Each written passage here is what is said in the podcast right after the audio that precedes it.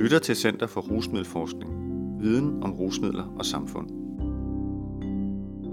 I stofbehandling til unge bør vi være opmærksom på, at unge, der har oplevet mange traumer, har særligt svært ved at reducere deres stofbrug. Skrevet og indlæst af psykolog og adjunkt Sissel Karsberg fra Center for Rusmiddelforskning. Artiklen er bragt i Stofbladet nummer 39 i sommeren 2021. Traumer såsom omsorgssvigt eller fysiske og seksuelle overgreb i barndommen har stor betydning for unges rusmiddelbrug. Undersøgelser viser, at særligt antallet af traumetyper har betydning for, hvor godt unge responderer på rusmiddelbehandling. Derfor er det vigtigt at tænke fokus på traumer ind i behandling til unge. Traumatisering er psykisk lidelse, der opstår på baggrund af en ekstremt truende eller redselsvækkende begivenhed eller serie af begivenheder. Traumereaktioner kan komme til udtryk på mange forskellige måder, men er som oftest karakteriseret ved en række kernesymptomer, herunder vaksomhed, flashbacks og undgåelsesadfærd. Svære traumereaktioner er desuden ofte akkompagneret af eksempelvis depression og angst. En lang række undersøgelser har påvist stærke sammenhænge mellem traumeoplevelser og rusmiddelafhængighed.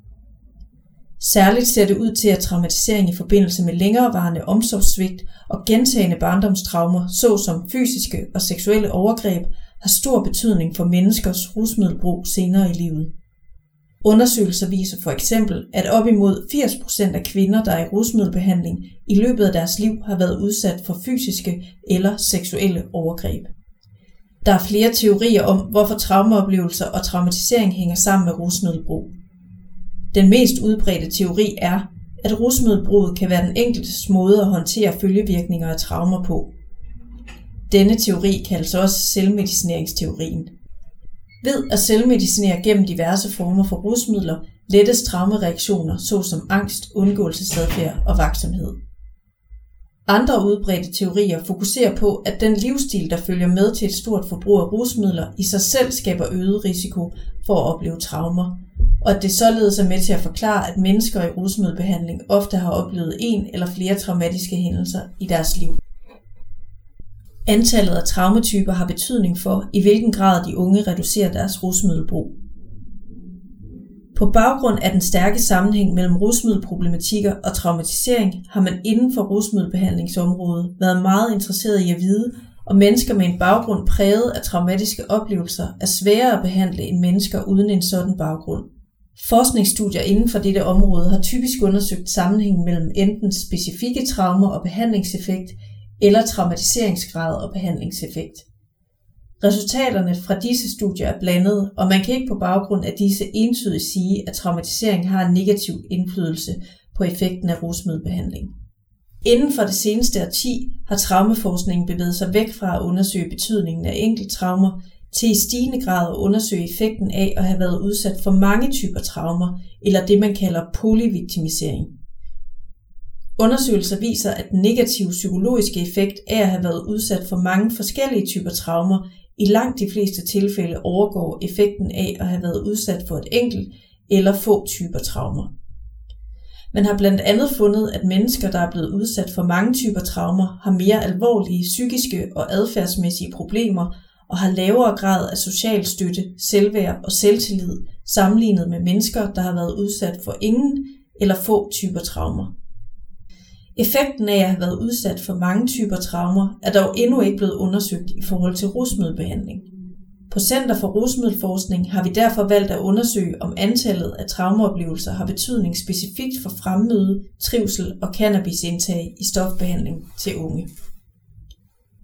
Til vores analyser anvendte vi data fra forskningsprojektet Metodeprogrammet for stofmisbrugsbehandling. I alt inkluderede vi data fra 775 unge mellem 15 og 25 år i stofbehandling i ni forskellige behandlingscentre i Danmark. De unge havde en gennemsnitsalder på 20,2 år. Ud af de 775 unge var 599 drenge eller mænd. Vi undersøgte, hvor mange af de unge, der havde været udsat for en eller flere af følgende potentielt traumatiserende hændelser i deres liv, inden de kom i stofbehandling mobning, omsorgssvigt, seksuelt overgreb, fysisk overgreb, trusler på liv eller helbred, voldsom ulykke, alvorlig sygdom, selv eller nærmeste familie, og dødsfald blandt forældre eller søskende. Resultaterne kan ses i figur 1 og figur 2 i artiklen i Stofbladet nummer 39. Efter at have undersøgt, hvor mange og hvilke traumeoplevelser de 775 unge havde været udsat for, kiggede vi på sammenhængen mellem antallet af traumeoplevelser og de unges fremmøde i stofbehandling, samt udviklingen af deres trivsel i behandling og udvikling. Eksempelvis reduktion i deres brug af cannabis, mens de var i behandling. Cannabisforbrug blev målt ved at spørge til antal ganges forbrug per dag inden for den sidste uge. Trivsel blev målt med en samlet score ved at spørge til trivsel i nære relationer. Vi spurgte også ind til overordnet social trivsel og generel trivsel på en skala fra 0 til 10. Fremmøde blev målt på antal fremmødte sessioner i behandlingsforløbet. På baggrund af vores analyser fandt vi, at 92% af de unge havde oplevet en eller flere typer traumer, og hele 22,1% havde oplevet fem eller flere typer traumer. Vi fandt, at unge med mange typer af traumeoplevelser havde et højere forbrug af cannabis ved indskrivning, og de reducerede i lavere grad deres forbrug under behandling sammenlignet med unge med få eller ingen traumeoplevelser. Vi fandt også, at unge med mange typer traumeoplevelser havde lavere trivsel ved indskrivning, men de rapporterede den samme relative stigning i trivsel under behandling som unge med få eller ingen traumeoplevelser. Unge med mange traumeoplevelser mødte frem til lige så mange samtaler som unge med få eller ingen traumeoplevelser. Det er desværre ikke overraskende, at en rigtig stor andel af unge i stofbehandling har mange voldsomme oplevelser bag sig. Det er dog alligevel tankevækkende, at en femtedel af de unge har oplevet minimum fem af de potentielt traumatiserende oplevelser, vi undersøgte.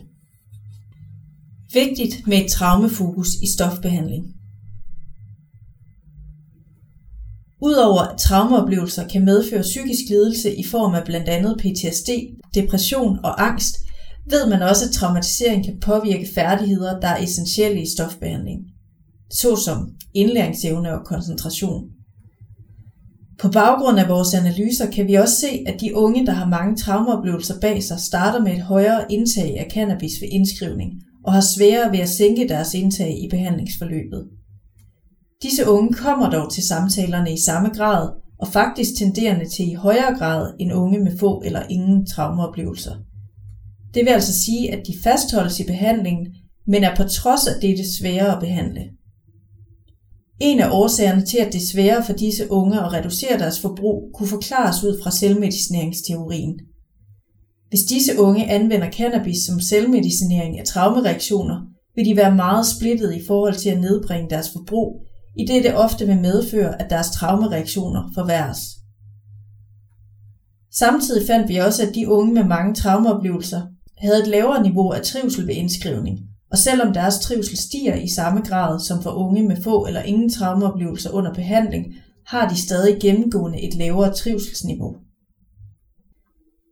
Den store andel af unge med traumeoplevelser understreger vigtigheden af et fokus på disse oplevelser i stofbehandlingsregi.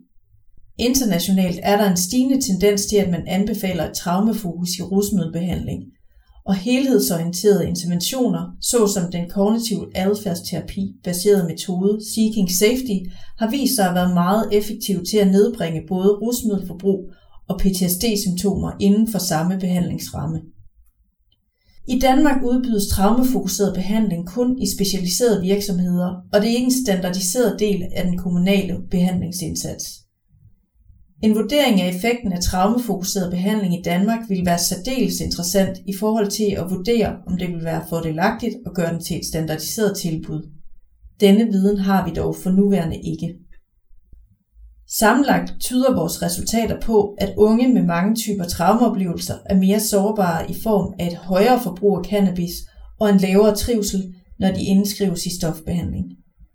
Yderligere ser det ud til, at denne gruppe unge har sværere ved at reducere deres forbrug af cannabis i behandlingsforløbet. Derfor kan vi på baggrund af vores nuværende viden pege på, at det er vigtigt, at behandlere har øje for denne sårbarhed i behandlingsforløbet.